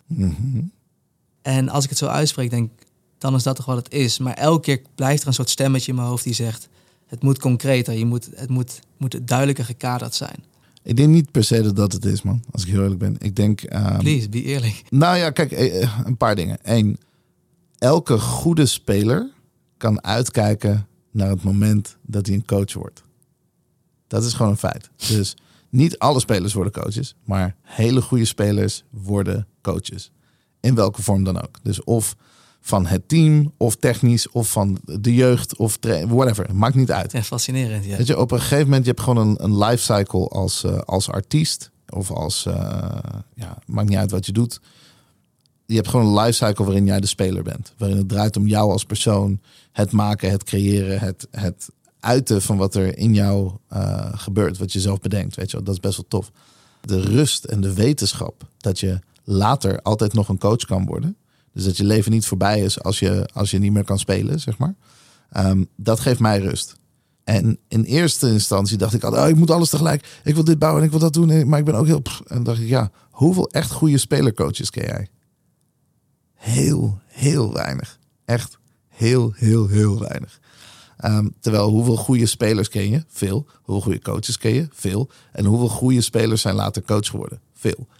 Dus alles tegelijk, dat werkt eigenlijk niet. Dus geniet van het idee dat dat later kan. Weet je, heb je, heb je iets om naar uit te kijken en om, om uit te bouwen. Het andere ding is, waarom doe je dingen? En waarom moet je dingen? Nou, wij moeten natuurlijk gewoon werken allemaal, want we hebben een, een inkomen nodig en we moeten overleven. En I get that. Maar in eerste instantie doe ik het daar niet voor. Ik doe het omdat ik het fucking leuk vind. En, en dat ik echt gelukkig word van, eh, van creëren. En dat is cool en dat kun je de hele tijd blijven doen. Maar op een gegeven moment denk je van ja, ik wil toch wel dat het, dat het meer oplevert. Of dat het misschien stabieler is. Want wat nou als ik mijn been breek? Of wat nou als ik, eh, weet ik veel wat. Weet je, gewoon lastige dingen.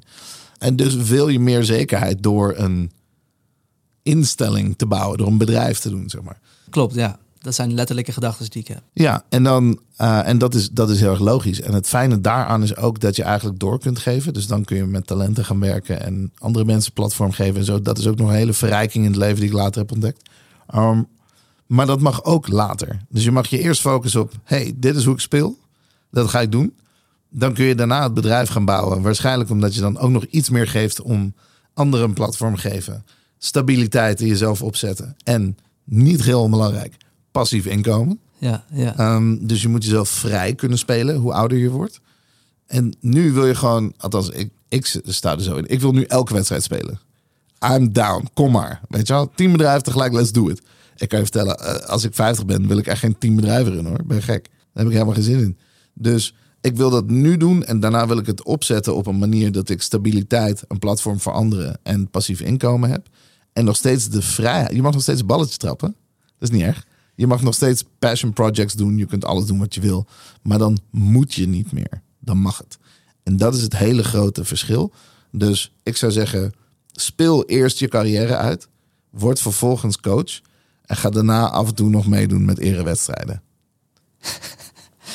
Bam. Dus eigenlijk zeg je, geniet van die speeltuin. Deze tijd is ook om te ontdekken wie je als speler of als maker bent.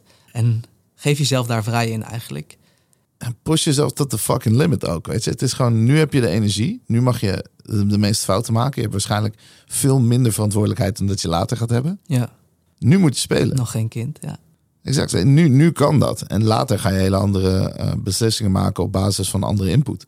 Maar als ik kijk naar jou, ik volg je wel echt al een paar jaar. En de eerste jaren vond ik jou meer ongrijpbaar. Ik wist wel wat je allemaal deed en een beetje hier en daar.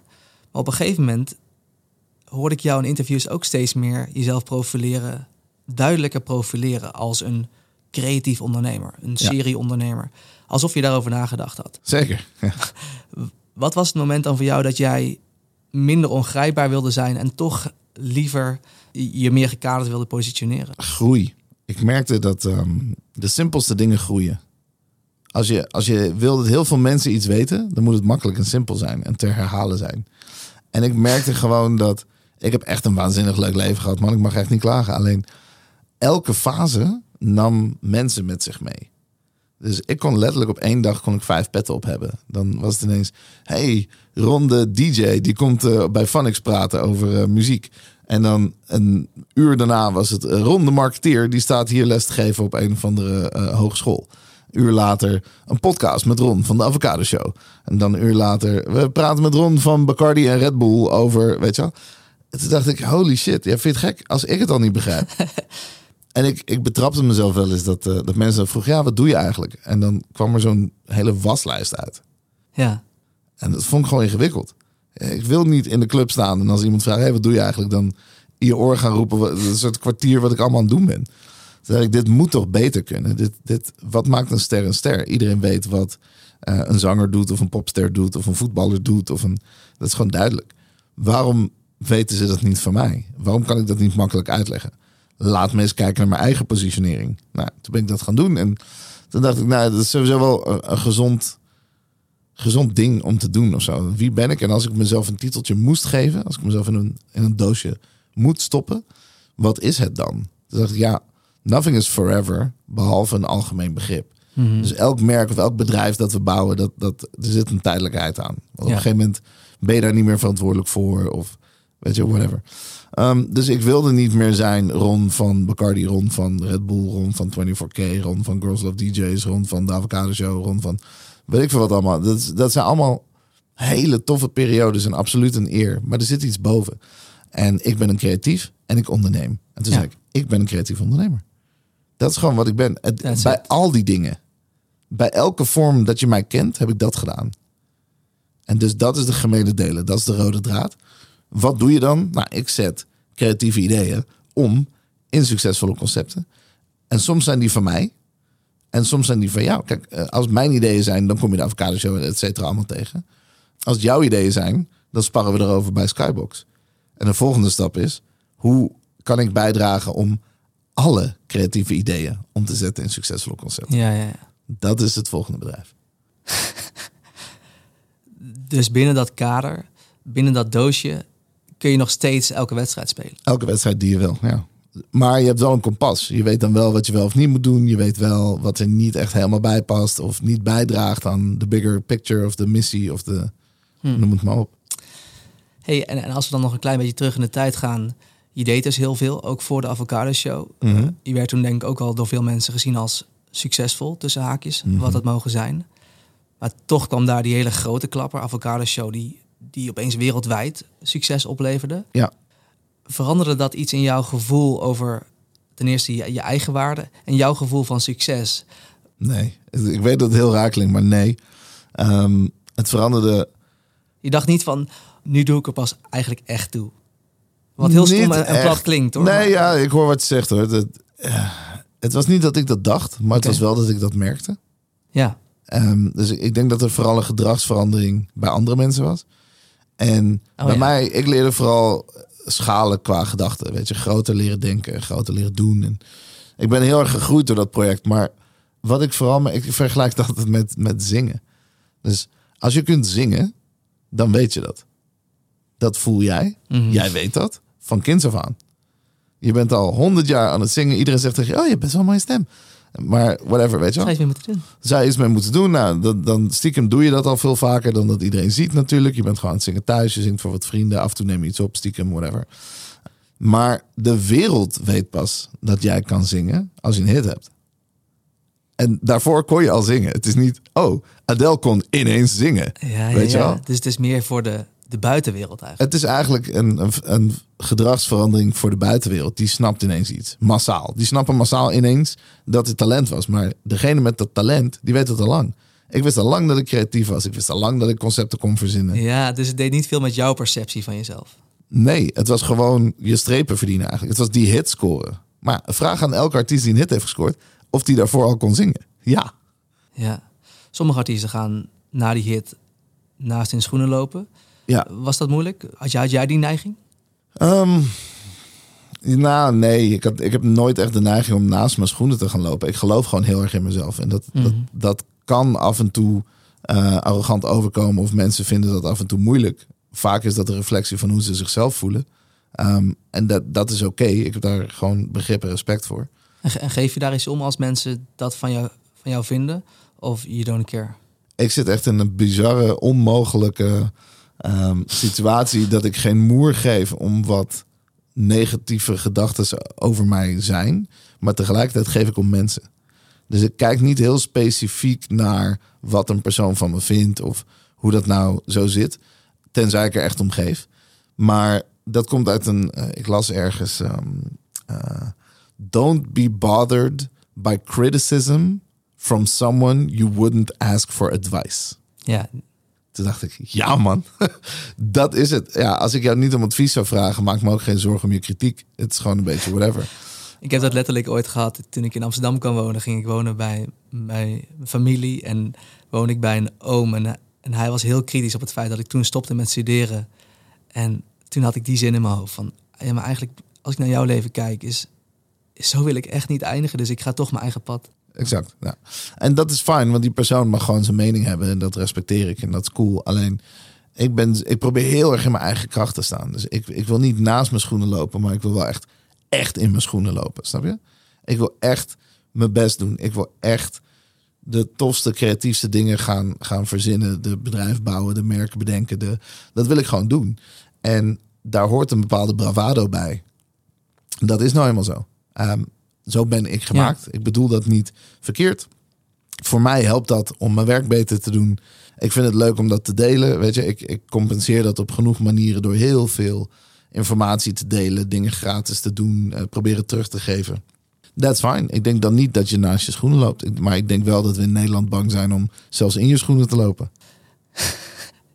Zeker weten. En, en hoe, hoe, kan, hoe kan een maker of ondernemer ervoor zorgen dat je echt in je eigen schoenen gaat lopen en dat je je eigen pad vindt? Nou, we zijn, we zijn denk ik allemaal een beetje onduidelijk tegenover onszelf. Van wanneer, wanneer is het nou goed? Wanneer is het nou een succes? Wanneer is het nou, weet je, wat is dat? En door duidelijkere doelen te stellen aan jezelf of mijlpalen te bedenken, kun je eigenlijk met jezelf afspreken: hey, als dit lukt, dan, eh, dan ben ik trots. Als dit lukt, weet je, we kijken heel vaak van, ja, zien we wat er gebeurt. Maar ja, dat is het begin. Later ontdek je van, hé, hey, hoe vet zou het zijn als ik... Ik heb honderd mensen geholpen. Hoe vet zou het zijn als ik duizend mensen kan helpen? Dat is toch crazy? Mhm. 10.000 mensen kan. Dat is toch gestoord? Ja, dat kun je gewoon schaalbaar leren uitspreken. En dan elke keer word je een stukje trotser of blijer met, met jezelf. En ga je sterker in je schoenen lopen. Kijk, wat ik zei. Ik twijfelde niet aan mezelf. Maar ik moest het wel nog bewijzen dat ik tien verschillende cases in één week eruit kon rammen. Nou, dat is gelukt. Inmiddels heb ik meer dan 100 van die Skybox sessions gedaan. Ja. En die lukken allemaal. Er zit geen twijfel in mijn hoofd of ik jou ergens mee kan helpen of niet. Dan, bij mij is het heel simpel. Heb ik je niet geholpen in die drie uur, hoef je ook niet te betalen. Dus makkelijk is het. Ik, no problemo, weet je Ja. wel? Dus dat is een bepaalde overtuiging en een, een sterkte en kracht van in je eigen schoenen staan door te doen. Ik denk dat heel veel mensen denken dat ze talent hebben of voelen dat ze talent hebben. Maar moet je gewoon afvragen, hoe kan ik het doen zodat ik aan mezelf kan bewijzen dat het zo is en dan lekker in die modus kan blijven zitten. Ik vind het heerlijk. Ik hou aan de ene kant vind ik humbleness en bescheidenheid vind ik prachtig, maar duidelijkheid en zelfvertrouwen is ook net zo aantrekkelijk. Dus als ik in een noem maar wat sollicitatie zou zitten of ik probeer een team samen te stellen en iemand zegt tegen mij eh, en ik zoek noem maar wat eh, finance of zo en iemand zegt oh dat dat kan ik sterker nog daar ben ik echt een van de beste in en ik heb tien jaar ervaring dan hoeven wij niet meer verder te praten Dan wil je die. dan wil ik die, want dat is wat ik zoek. Ik zoek gewoon duidelijkheid over iemand die zegt: Ik ben hier echt heel erg goed in. Tuurlijk kan die erover liegen, of, dat, begrijp ik allemaal. Maar vaak heb je wel, wel of niet bepaald bewijs of een vibe of zo daarvan. Maar als ik daar dan naar kijk en de- als iemand dan tegenover me zit van ja, ik ben best wel aardig. Ik heb, ik heb mijn opleiding afgerond en ik, heb, eh, ik doe wel wat dingen, ja. Versus I'm the motherfucking best Mhm. dan neem ik die gewoon. In, in die vorm. Kijk, humbleness vind ik leuk daarna. Humbleness is mooi hoe je met complimenten omgaat. Of hoe je eh, met het leven omgaat. Of hoe je uitricht in bepaalde dingen. Maar when it's strictly business, dan ben je toch gewoon op zoek naar de beste. Is het dan niet handig om de wereld te laten weten dat je dat bent? Ja. Toch? Ja, denk je dat eh, een Olympische trainer iemand neemt die denkt, nou, ik denk dat ik wel goed genoeg ben? Of weet je wel? Of denk je dat Mike Tyson of zo ooit heeft gezegd, I, think I could be a good boxer? Nee. I'm the motherfucking greatest. Ja, oké, let's go. Die bravoure bij mij komt heel erg uit de hip-hop. Ik luisterde vroeger superveel naar, naar rap ehm, en, en naar hip-hop, waar het heel normaal was om de beste te willen zijn. Dat was eigenlijk het hele standpunt van elke rapper. Is gewoon, ik ben de beste. Dat vind ik gewoon bloedje interessant. Ik vind het fantastisch. Ja.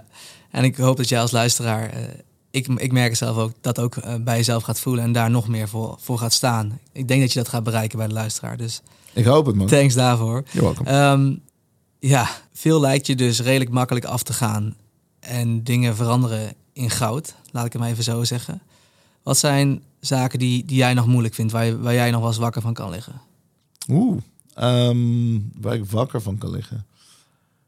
Ik lig echt nergens wakker van. Ik ben veel te moe. veel te moe. Maar ik, ik kan wel wakker liggen van, ehm, van doelen en dromen. Oké, En, en in de positieve en in de negatieve zin. Dus ik kan heel erg soort van wakker liggen en denken aan alles wat ik nog wil bereiken. En alles wat ik nog wil doen. En hoe dat er dan uitziet. En dat probeer ik te visualiseren. En dan gaat het allemaal goed. Ik kan ook af en toe wakker liggen en denken: waarom denk ik na over deze dingen? Waarom? Ik las ooit ergens in een, ehm, een interview, volgens mij was het Obama of zo. Die zei: Het is eigenlijk zonde dat the greatest minds of our world in Silicon Valley een nieuwe app aan het bedenken zijn. Ja. Zeg maar. In plaats van why? andere shit, weet je wel? Start curing cancer, start, eh, de, weet ik veel. Er zijn zoveel dingen die we op zouden willen lossen. En dat, daar heb ik wel af en toe last van. Dat ik denk, oeh, ik doe allemaal coole shit en zo. En het is leuk, Mhm. weet je wel? Ehm, ik doe heel veel dingen voor cool. Ik doe, doe ook wel wat dingen voor cash. Maar af en toe wil ik wat meer dingen doen voor care. Dus dat is de laatste tijd veel meer ja, bezig in my mind. En dan denk ik ook van ja, daar moeten we eigenlijk afspraken over maken. Want we moeten eigenlijk... eh, er moet een x percentage van je tijd moet je eigenlijk nadenken over andere shit dan de reguliere vormen van succes. Precies, ja. Daar kan ik wel wakker van liggen. Ja, echt. Ja, dat vind ik een mooie. Kan ik me ook goed voorstellen. Want op een gegeven moment heb je die basisbox heb je afgevinkt. En uh, komt ook die vraag op van, waar doe ik het eigenlijk allemaal voor? Ja, en misschien nog wel groter. Ik bedoel, dat is nog een, een vraag vanuit ik-vorm.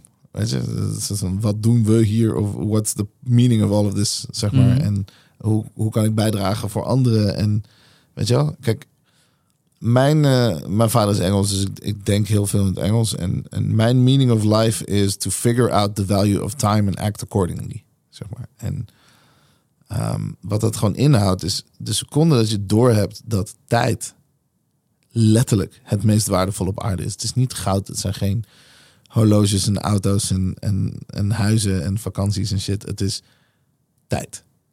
Het lijpen eraan is dat er geen bankrekening is. Dus je weet niet wat je saldo is. Precies.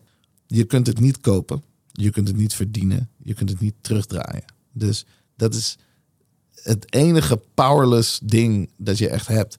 En zodra je dat beseft, dan denk je, oeh, het zou zomaar kunnen dat ik weinig tijd heb. Het kan ook zijn dat je heel veel tijd hebt, maar hoe dan ook moet ik dat goed uitgeven.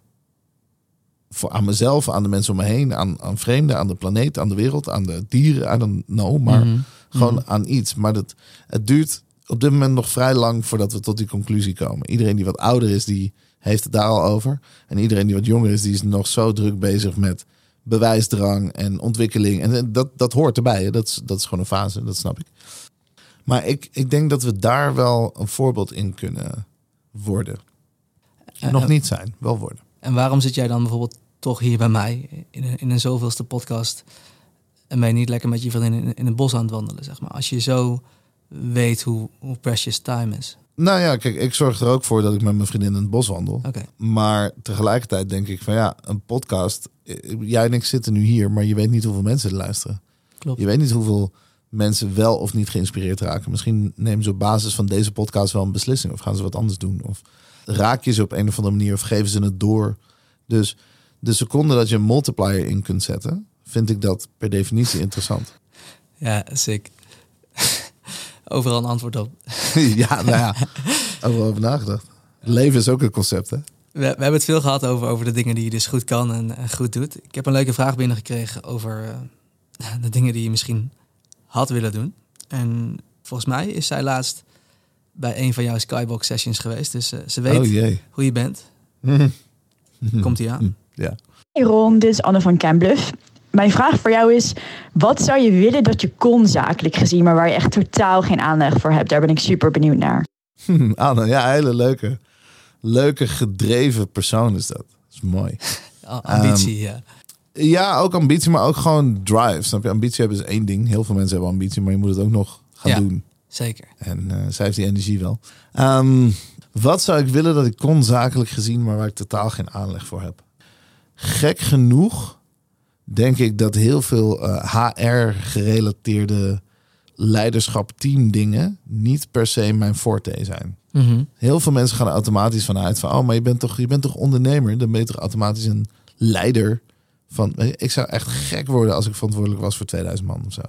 Dat is helemaal niet wie ik ben. Dat, dat snoept al mijn aandacht af van creatie en van. Weet je, ik ben veel meer een Einzelganger eigenlijk dan dat ik dat ben. Ik ben ook super sociaal, maar ik, ik heb gewoon mijn ruimte nodig om dingen te kunnen doen. En ik ben zo druk bezig met wat ik kan en de paar mensen om mij heen, dat ik niet per se rekening wil of kan houden met een heel groot team. Dus als er één ding is dat ik niet zo heel goed kan, zijn het grote teams leiden. En als er één ding is wat ik wel liever zou kunnen, of wat, wat er ontbreekt in mijn skillset of zo, dan zou ik zeggen, ja, de, de rust en interesse en manier van werken van, van HR. Hoe je dus met mensen omgaat, waar je ook niet direct een band mee hebt. Dus een soort van grotere groepen. Daar, uh, daar heb ik wat meer moeite mee. Ik ben heel goed één op één en in kleine teams en zo. Dat, dat mhm. gaat prima. Maar heel eerlijk gezegd is dat vaak omdat zij zich aanpassen naar mijn manier van werken. Oh ja, ja. Omdat dat gewoon uiteindelijk het beste werkt. En ik merk dat hoe groter de groep wordt, hoe meer je moet inleveren daarin. En dus eigenlijk moet aanpassen naar de groep. En daar ben ik gewoon wat minder sterk in. En even voor de record, hoe groot is bijvoorbeeld de groep bij de Avocado Show? Hoeveel mensen werken er in jouw bedrijf? Um, Avocado Show is dat, dat wisselt heel erg afhankelijk van wat we nodig hebben en wie wat waar. Maar dat zit ten alle tijde tussen de 10 en 15 uh, uh, vaste mensen op hoofdkantoorniveau. En dan heb je gewoon eh, nog 70, Mm. 80, weet ik veel wat, eh, eh, in de restaurants. Ehm, en dat gaat natuurlijk gewoon een stuk groeien. Maar, maar die HQ, dat is natuurlijk een, een kleiner team. Ja, En, eh, ja. ja. dat is fijn. Cool, nou, leuk, leuk antwoord. Ik, eh, ik hoop dat je er iets mee kan, eh, Anne. Thanks voor je vraag. Ik wil nog heel even hebben over creativiteit. Ja. Jouw, eh, hoe zei je dat net? Virtueel? Of, eh, Forte? ja, Ja. Wel jouw forte volgens mij. Je hebt dus vele mooie concepten bedacht en dat, dat blijf je doen. En je spart ook niet met anderen over creatieve ideeën. Wat heb jij geleerd over creativiteit? Als in, hoe kom jij voor jezelf in een creatieve flow? Wat heb je daarover geleerd? Ehm, daar spreek ik echt de verkeerde persoon over. Ik. Mijn vraag is, hoe kom ik uit de creatieve flow, man? Ik woon daar. Ik, dat, ik word ermee wakker, ik ga mee naar bed. Ik heb eh, een, een overvloed aan creativiteit. Het is bij mij eerder, hoe, Ingebakken. hoe stroomlijn ik dat? Hoe zet ik dat soms uit Oké. om überhaupt na te kunnen denken op een andere manier? Dat is bij mij een veel grotere uitdaging dan hoe kan ik in de zone komen? Ik woon in de zone, echt. Dan zou je toch kunnen uitzoomen en makers ze advies kunnen geven over hoe ze wel in die zone kunnen komen? Of is het voor jou dus moeilijk om te zeggen? Omdat nee, jij ja, het is heel simpel. Als je dat wil, moet je het precies tegenovergesteld doen van wat ik doe. Eh, want ik probeer alles om te stoppen. En, en eh, sommige mensen zoeken het. Ik weet voor een fact dat verveling helpt. ja. Dus weet je, zet gewoon, ga naar een plek waar je niks hebt. En, eh, en, en zet je telefoon ook uit. Laat je even niet distracten. En de seconde dat je echt verveelt, komt er automatisch wel ehm, een soort van gedachte uit je onderbewuste naar voren van hey, dit moet je ook nog verwerken. Oh ja, en dan, dan kom je er wel. Ehm, andere dingen die ik heel erg interessant vind is, ik cureer mijn informatie heel goed. Dus ik kijk niet, niet naar social media als een social media kanaal. Dat I don't care. Ik ken veel te veel mensen. Dus dat, dat werkt al per definitie, by design, niet voor mij. Dus ik kijk naar, hey, als ik dan toch al honderd keer per dag naar dit schermpje ga kijken, kan ik iets interessanter vinden dan babyfoto's? Vast wel. En dus cureer ik wat ik zie. Wie volg ik? Wie deelt echt waardevolle dingen? Waar haal ik mijn nieuws? Daar ben je echt be- be- bewust mee bezig. Daar heb ik gewoon een. Ja, maar dat kan heel snel. Hm. Je kunt bij wijze van spreken in twee dagen zoveel inspiratie in jouw timeline knallen. Dat je, eh, dat je dagen er gewoon letterlijk anders uitzien. Dat kan in een uur. Je kunt letterlijk, als je, laten zeggen, twintig nieuwe inspirerende mensen gaat volgen op LinkedIn en op Instagram. Dan verandert je timeline gewoon dezelfde dag nog. En ineens lees je dingen die je tof vindt en zie je dingen die je tof vindt. En weet je, dat triggert mij veel meer dan de social updates van mensen die nu op een bootje zitten en dan wat gaan eten. En dan wat, vind ik ook leuk. Maar dat is gewoon minder trigger voor mij.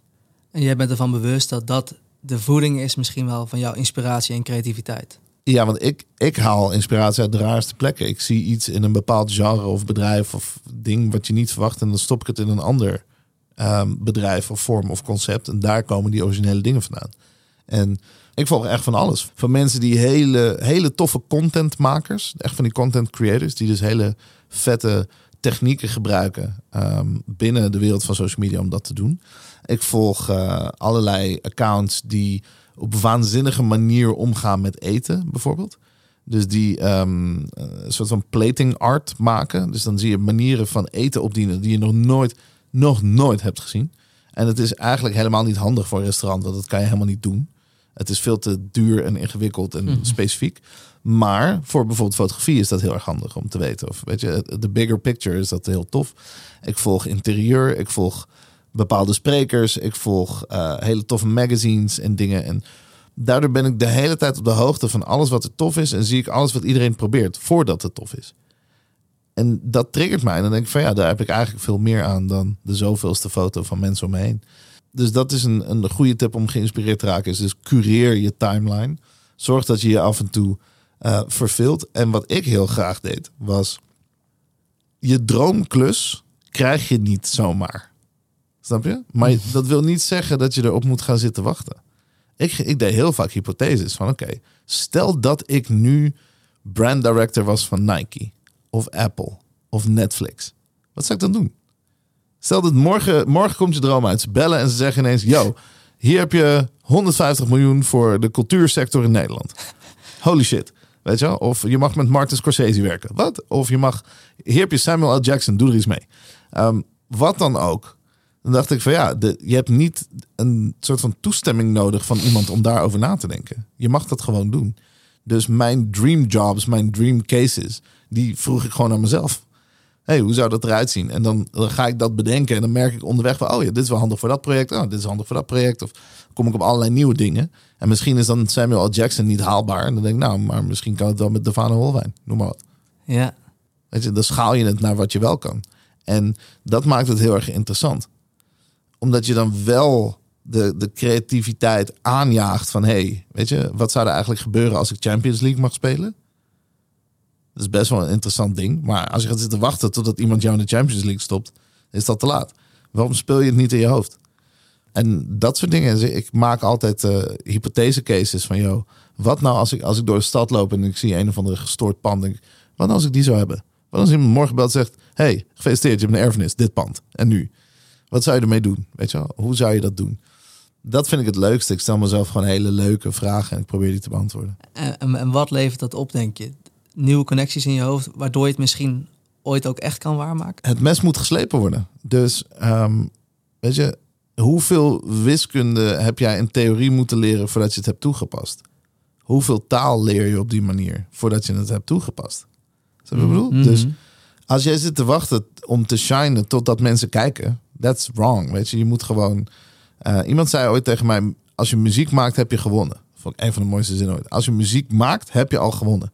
Of het nou een hit wordt, dat is wat anders. Of je gevraagd wordt om dat ergens op te treden, is ook wat anders. Maar als jij van muziek houdt en je staat op en je maakt muziek, heb jij gewonnen. Wauw, ja, dat is echt een hele andere kijk op creatie. Want ik denk heel vaak, vind ik niet de leukste gedachte, maar hoe lang moet ik nog blijven zaaien voordat je iets kunt oogsten? Mm, dat is heel normaal om dat te denken. Maar ik, ik zou gewoon in theorie, hoe leuk is dat? Weet je, het, het maken van muziek is al oogsten eigenlijk. Dat, is, Ja, dat, dat dat, is al het einddoel. Ja, dat is ook het hoogste. Snap je? Dus doen waar je goed in bent, waar Ja. je gelukkig van wordt, is al het hoogste. Wat een mindfuck eigenlijk. Dat we dan dat andere nastreven. Ja, we zoeken gewoon een scorebord. Maar de seconde dat je dat loslaat en je zegt eigenlijk, ja, ik ga gewoon muziek maken. Kom je in al die sportreferenties. Weet Dat heel raar is voor iemand die geen sport kijkt. maar, maar- ze werken wel. ja, nou, ik heb het gewoon heel vaak uit moeten leggen. En ik deed dat vroeger heel ingewikkeld. Totdat Ja. ik erachter kwam dat de meeste mensen wel sport kijken. Dus Alle antwoorden liggen in sport. Ja, exact. Ehm, en dat is voor mij een beetje het ding. Ik, ik vind het leuk om na te denken over. Weet je, you can speak things into existence. Maar je kunt er ook gewoon over. Je kunt het manifesteren, je kunt het aantrekken. Je hebt eh, duizenden manieren eh, daarvan. Maar al gebeurt dat allemaal niet, vind ik het nog steeds leuk om die vraag te beantwoorden. hey, wat nou als ik creative director was van Apple? Hoe zou ik dat doen? Welke Netflix-serie zou ik produceren? Welk verhaal moet volgens mij verteld worden? Welke kunst zou ik in een bepaald museum ophangen? Hoe zou ik eh, eh, het Guggenheim vullen? Weet ik Ja. veel. Gewoon, het zijn niet eens hele rare vragen, maar we staan er gewoon niet zo vaak bij stil. En ik denk dat als jij weet wat jouw hoekje is, nou in jouw geval, jij maakt eh, films bijvoorbeeld, nou dan weet ik zeker dat jij vijf regisseurs heel vet vindt. En dat er ongetwijfeld dat je met, weet ik veel, Hans Zimmer zou willen werken. Ehm, weet je wel, et cetera, et cetera. Mm, Dus wat nou mm. als ik dit soort muziek kreeg? Wat nou als ik dit soort acteurs kreeg? Wat Ja. nou als ik in opdracht van dit mocht maken? Wat nou als ik Lord of the Rings had gemaakt? Noem maar wat. Of als ik de Matrix mocht schrijven. Hoe zou ik dat doen? Zou ik iets veranderen? Wat zou ik laten? Zeg maar, wat vind ik vet? Nou, dan leer je gewoon veel beter je, je eigen soort van kunst kennen, maar ook je eigen karakter. Van wat vond ik nou echt mooi? Ik vond de Matrix een super vette film, maar ik vind het 30 dingen had ik anders gedaan. En er zitten ook 30 dingen in die ik super sick vind. En daar ga ik ook proberen te ontdekken waarom vind ik dat zo vet? Wat is het hier aan dat het zo genius maakt? Nou, dat probeer ik te vinden. Ja. En als ik daarmee bezig ben, dan krijg ik alleen maar meer ideeën. Hé, hey, maar dit kan ook zo. Hé, hey, maar dit kan ook blauw. Hé, hey, maar dit kan ook samen. Hé, hey, maar dit kan ook...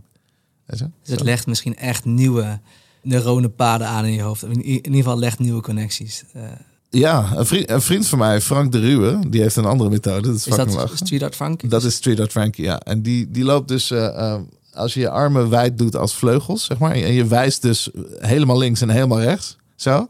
Die loopt zo een supermarkt in. Ehm, en dan moet je dus, je wijst dus met je rechterhand naar rechts en met je linkerhand naar links. En dat zijn twee verschillende schappen. En dan zegt hij altijd van ja, dan moet je op een gegeven moment stoppen. En dan, dan wijst je rechterhand bijvoorbeeld naar hagelslag. En je linkerhand naar bacon. En zo heeft hij bacon hagelslag gemaakt. No joke. Dit is hoe dat gaat. Ah, En hij zegt van dat is een van de makkelijkste dingen om eh, jonge creatieve stagiaires of junioren te leren hoe je rare verbindingen maakt. Want iedereen denkt alles moet netjes in het schap. ja. Totdat je die dingen door elkaar heen dondert. Weet je wel? En dan, ja, dan loop je daar ineens en denk je, ja, oké. Ehm, soep en blik. Kreeft. Kreeft en blik. Fucking raar idee. Maar, good work.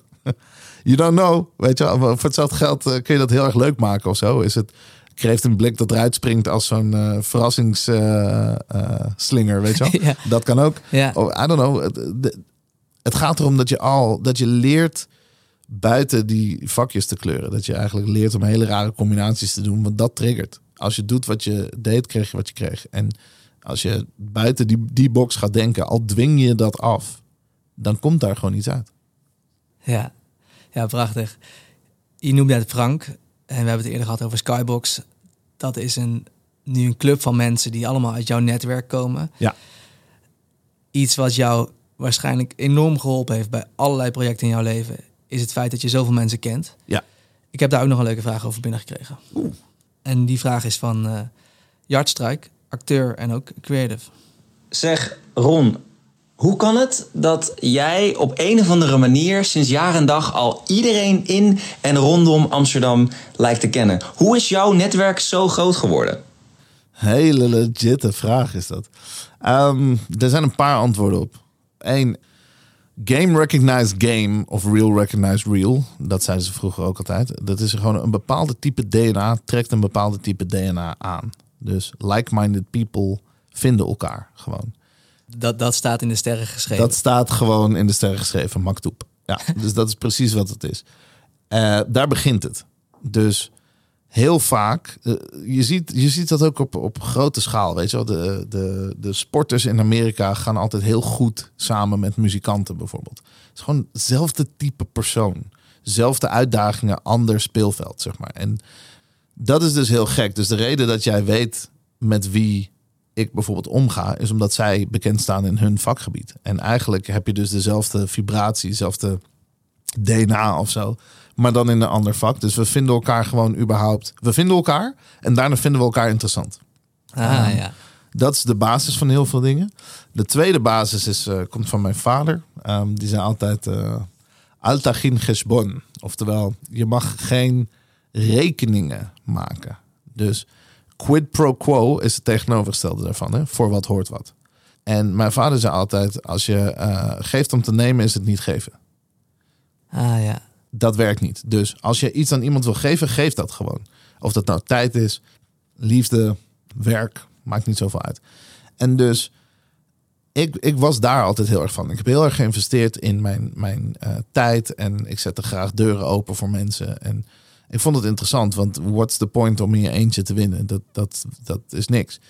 Elke keer als je, nou weer een mooie sportreferentie, als je iemand een, eh, de NBA Finals ziet winnen, dan gaat het hele stadion los, het hele team, alle staff, al het personeel, de coach, de trainer, de speler, eh, alle spelers bij elkaar. Het is, weet je, dat is winnen.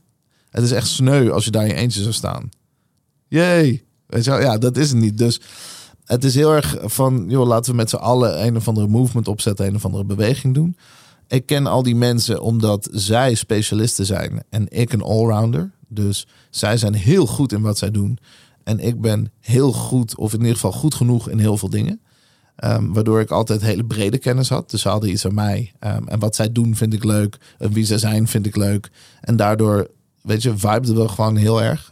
Dus dat is, dat is ook wel een stukje ervan.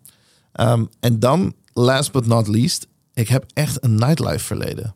Ik gaf echt fucking toffe feestjes. En als er één ding is waar iedereen samenkomt, dan is het nightlife.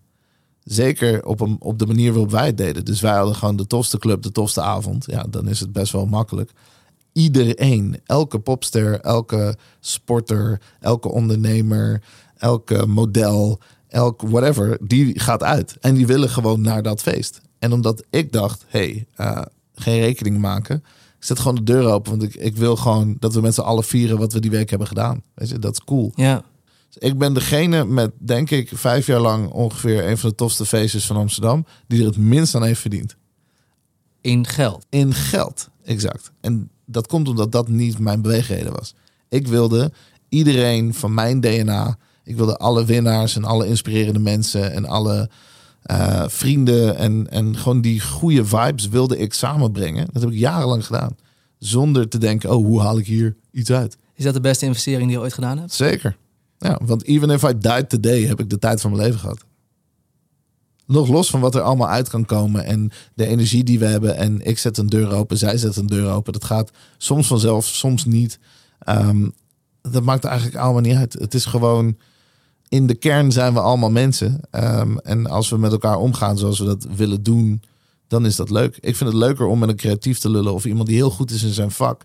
Omdat ik dan te maken heb met de best of the best. Net als dat als je gaat eten, wil je eigenlijk het lekkerste eten. Als je op vakantie wil, wil je het mooiste eiland. Als je, weet wel, als je naar sport kijkt of uh, daarover praat, wil je eigenlijk met iemand lullen die, die praat over de echte dingen waar je naar kijkt. Dat is wat we doen. Maar je zegt net van, ik maakte dus geen rekeningen. Maar had jij dan nooit een beetje een dubbele agenda? Nee. Nee, luister, het wil niet, het wil niet zeggen dat we nooit iets eruit hebben gehaald. Oké. Maar dat was niet de agenda. Niet Ding- de dingen ontstaan. Weet je? Ik, vind mensen gewoon. Ik kan echt genieten van een persoon. eh, en die kan de be- het beste op de wereld zijn in wat hij of zij doet. Maar misschien interesseert dat me niet eens. Zoals ik zei, ik ken zoveel sporters, maar ik kijk geen sport. Dus eh, iemand moest mij uitleggen. Hij heeft net de cup gewonnen. Oh, cool. Hij heeft net Champions League gewonnen. Oh, vet. Eh, Dat begrijp ik wel, maar ik, ik voel niet de voetbalemotie erbij. Ik heb dat niet. Dus voor mij was dat niet dat. Wat ik gewoon leuk vond, is dat iemand in zijn kracht staat. Het beste is in wat hij of zij doet. En dat is hoe ik mijn leven leid. Ik wil dat ook zijn. Mhm. En daarom viben we samen. Ja, ja. Maar als ik bijvoorbeeld kijk naar de podcast, dat is een uiting van mijn nieuwsgierigheid. Ik wil graag leren en ik vind het heel mooi dat mensen met me mee kunnen reizen en ook dingen leren. Heel waardevol.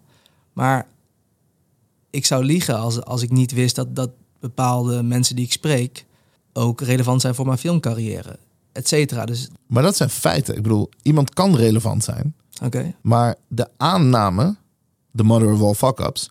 dat omdat wij samen een keertje hebben gefeest... ik jou ineens op dinsdag kan bellen en zeggen... yo, eh, jij gaat in mijn nieuwe film spelen. ja, dat, Dat- is de rekening. Dat is de rekening. En die heb ik niet. Precies. Dus ik had gewoon zoiets van... Yo, snap ik het. ik zet de deur open. Als mens vinden we elkaar heel leuk. Als, eh, als talent respecteren we elkaar enorm. En als zakenman heb ik nu een deur om wel tegen je te praten. Maar je bent me niets verschuldigd. Je bent niet plichtig om wat dan ook te doen. Echt niet. Dus ik ken letterlijk bijna iedereen in de muziekindustrie. Dat is handig, want als ik een idee heb waar zij in zouden kunnen passen, kan ik ze bellen en zeggen: Hey, wat vind je hiervan? Vind je dit leuk? Vind je dit niet leuk? En als die persoon zegt: Vind ik niet leuk, maar die is wel honderd keer bij mij een feestje geweest, vind ik dat niet erg. As easy as that. We hebben het toch gewoon gefeest. Dat was leuker. Ja, Ik heb een shortcut, maar geen verplichtingen. we gaan afronden.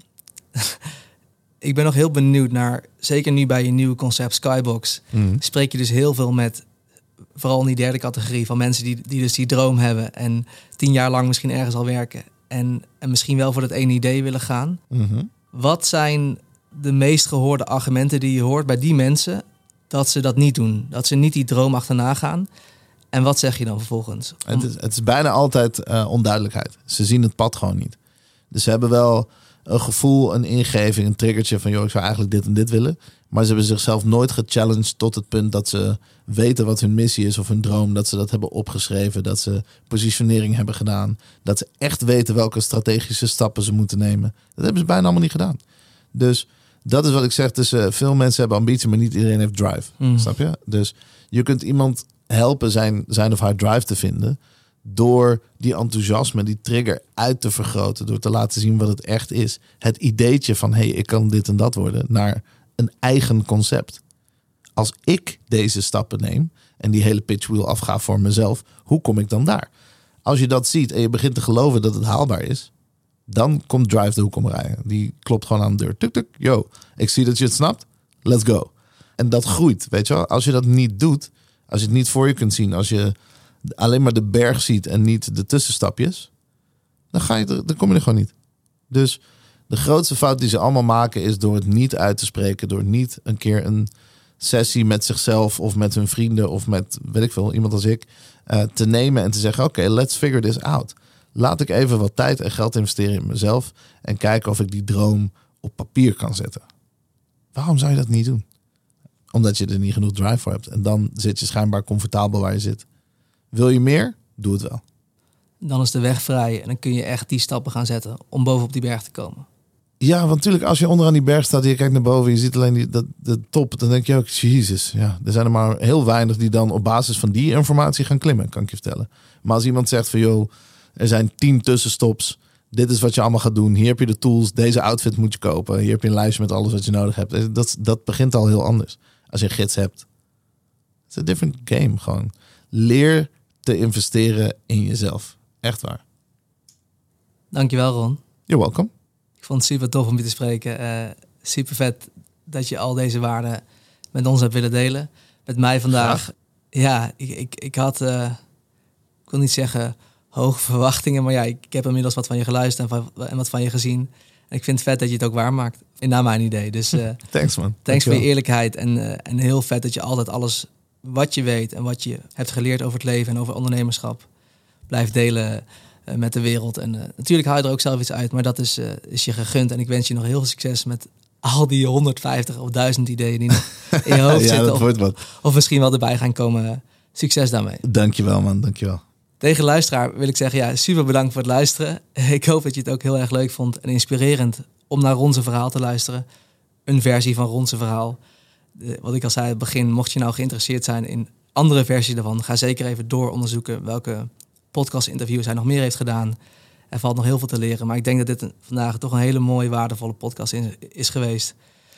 Waarin hij je hopelijk heeft aan het denken gezet over het waarmaken van jouw droom en het echt uitdenken van jouw concept om tot die volgende stap te komen. Hij heeft een heleboel mooie dingen gezegd, dus uh, doe daar je voordeel mee, zou ik zeggen. Ik ben er volgende week maandag weer. Ik weet nog even niet met wie, maar elke maandag een nieuwe aflevering van Make. Dankjewel voor je support en uh, tot de volgende keer. Bye bye.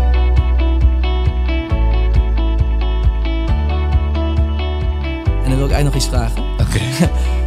ik begon natuurlijk de podcast met Speaking Things into Existence. Mm -hmm. Jij was een van de gasten die dus hoog op mijn lijstje staat. Een andere gast die hoog op mijn lijstje staat. En waarvan ik weet dat jij hem gemanaged hebt, is uh, Ahmed Akabi. ik wil hem heel, ja. graag, heel graag uitnodigen voor de podcast. En uh, stel, ik zou een uitnodiging, een video opnemen waarin ik hem uitnodig. Mm -hmm. Zou je die dan door willen sturen? Doorsturen altijd, ja. Ik kan je absoluut niet beloven dat Achie is echt een van de moeilijkste op aarde om achter een microfoon of voor een camera te krijgen. Ja, hij is gewoon en, en heel druk, heel erg op zichzelf en houdt niet van media. Dus die combinatie maakt het af en toe moeilijk. Okay. Soms doet hij het omdat hij uh, omdat het belangrijk is voor een project of whatever. Um, en soms doet hij het omdat hij er ineens raar wel zin in heeft of zo. You never know. Maar doorsturen kan altijd, zeker. Thanks. Ik moest, ja, soms moet je je kans pakken. Ja, zeker. Dankjewel, man. You're welcome.